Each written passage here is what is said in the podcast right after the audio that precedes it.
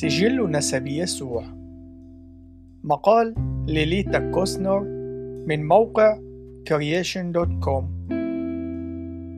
عند قراءة العهد القديم نجد أن الكثير من الأشخاص يقومون بتجاوز العديد من سجلات النسب ولوائح الأسماء المسجلة في الأسفار التاريخية، إلا أنه يوجد غاية من تدوين تلك التفاصيل، وسيحصل الشخص الذي يدرسها على فوائد لن يكون من الممكن له الحصول عليها من مكان آخر. واحد من الأسباب التي تجعل من دراسة هذه الآيات ذات أهمية هو أنها تقدم لنا سجل نسب يسوع. إن هذه هي تفاصيل كان الله قد أقر أنها مهمة إلى درجة وجوب حفظها. عنوان: لا يوجد أي شخص صالح بما فيه الكفاية لكي يخلصنا.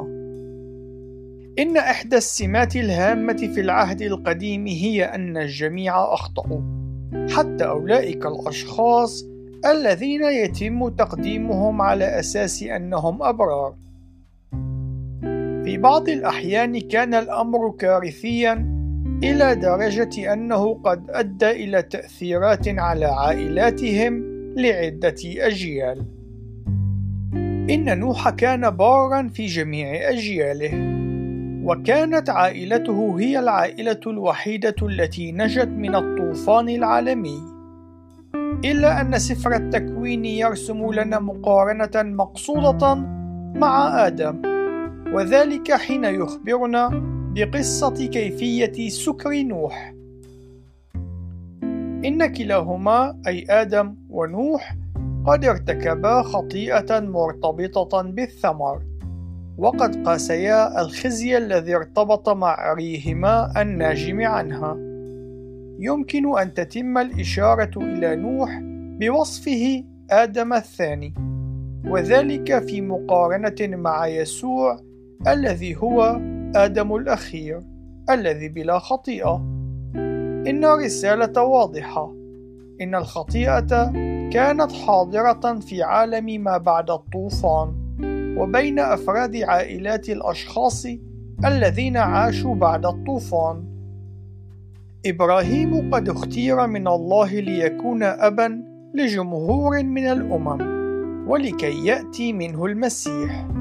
إلا أن إبراهيم هو بعيد كل البعد عن كونه كاملًا، وعوضًا عن الثقة بوعد الله بشكل كامل، ولد إسماعيل من هاجر.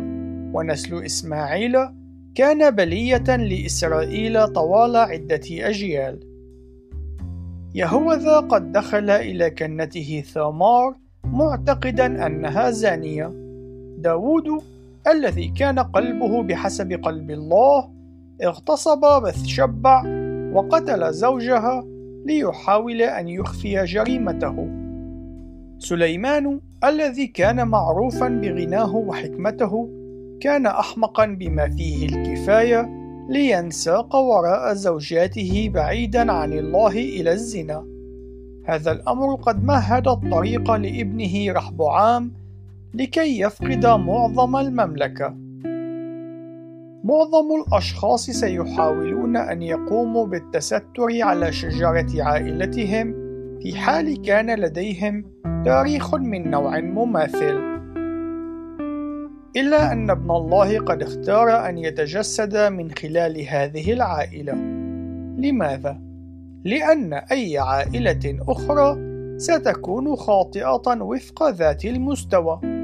إن هذه النقطة الرئيسية التي دفعت بيسوع المسيح للقدوم إلى الأرض في المقام الأول. وكما قال جبرائيل لمريم يسوع قد أتى ليخلص شعبه من خطاياهم.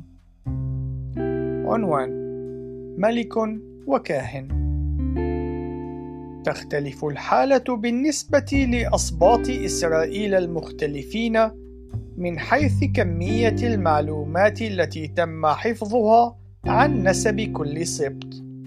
على سبيل المثال، القليل من المعلومات قد حفظت عن سبطي رأوبين ودان في حين أن الأشخاص الذين يمتلكون أكثر المعلومات المحفوظة عن الأنساب هم من اللاويين ومن النسل الملوكي ليهوذا.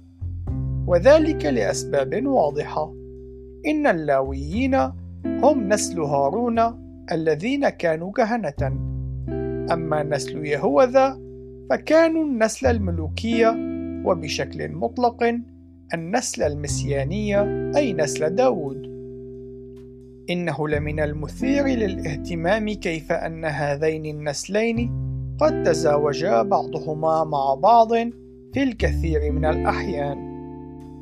إن أول زواج مختلط مسجل بين هذين السبطين هو زواج هارون من أليشابع وهي من الجيل الخامس من أحفاد يهوذا وكانت أخت نحشون الذي كان من الأجداد المباشرين لداود. زواج آخر بين نسل سبطي يهوذا ولاوي كان قد انتهى بأنه حفظ نسل داود. قامت يهوشبع أخت الملك أخزيا بحماية يؤاش من جدته القاتلة عثليا ابنة آخاب وإيزابل وقد قامت مع زوجها يهويداع رئيس الكهنة بحفظ الملك ضمن مجمع مباني الهيكل لمدة ست سنوات. حتى إن مريم ذاتها لابد أنها كانت نتيجة لزواج مختلط بين سبطي داود ولاوي لأن الإصابات اللاوية كانت قريبتها. فكيف يمكن لهذا أن يكون صحيحا؟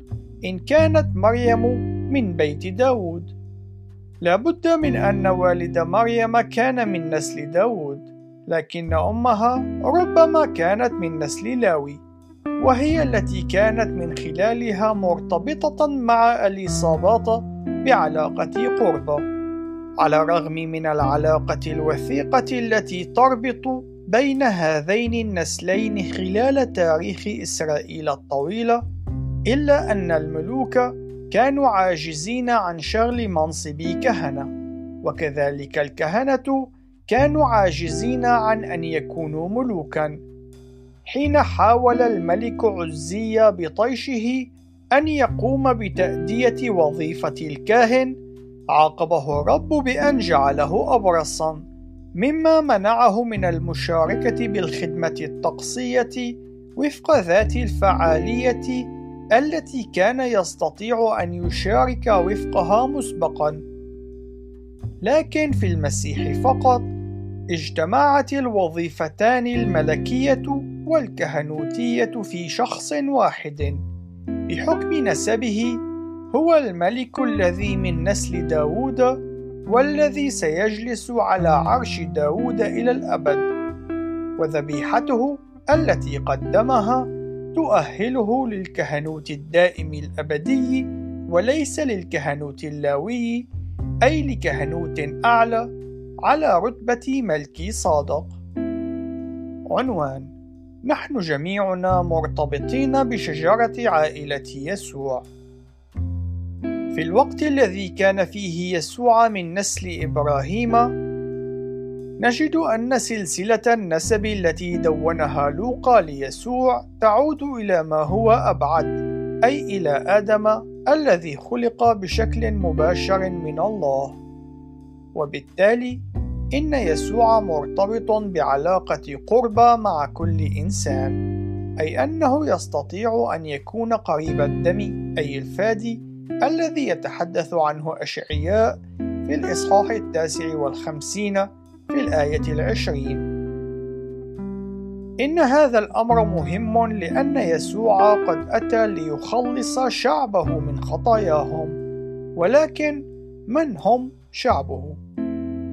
البعض قد يعتقد أنه يشير إلى اليهود وهم بالفعل قد حصلوا على أولوية في خدمة يسوع الأرضية حيث أنها قد وجهت إليهم لكن خلال حياته الأرضية كان يوجد إشارات واضحة بأن امتلاك جينات إبراهيم كان أمرا أقل أهمية بكثير من امتلاك إيمان إبراهيم. بعد قيامته نجد أن يسوع قد شمل بوضوح جميع الناس في إرساليته العظمى فنقرأ في متى في الإصحاح الثامن والعشرين والآية التاسعة عشر اقتباس اذهبوا تلمذوا جميع الأمم وعمدوهم باسم الآب والابن والروح القدس نهاية الاقتباس إن ذات اشتراكهم في نسبهم إلى آدم الذي جعل منهم خطاطًا سيجعل منهم أقرباء ليسوع مما يؤهلهم للحصول على مغفرة الخطايا من خلال الثقة بالعمل الكفاري الذي أتمه. إن حدث ولادة المسيح هو واحد من أهم أحداث العالم التاريخية، ويأتي في المرتبة الثانية بعد موته وقيامته، لأن المخلص ابن الله كان قد ولد كطفل صغير.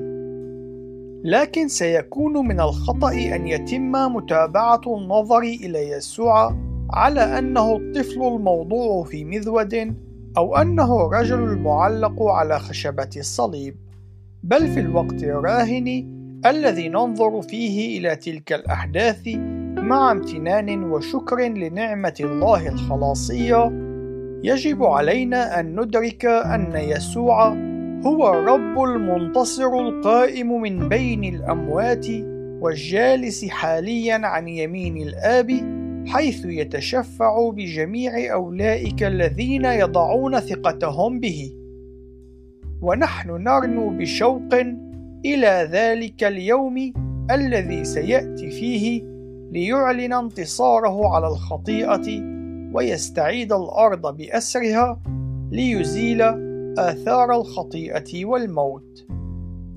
انتهى المقال ولنعطي المجد لله دائما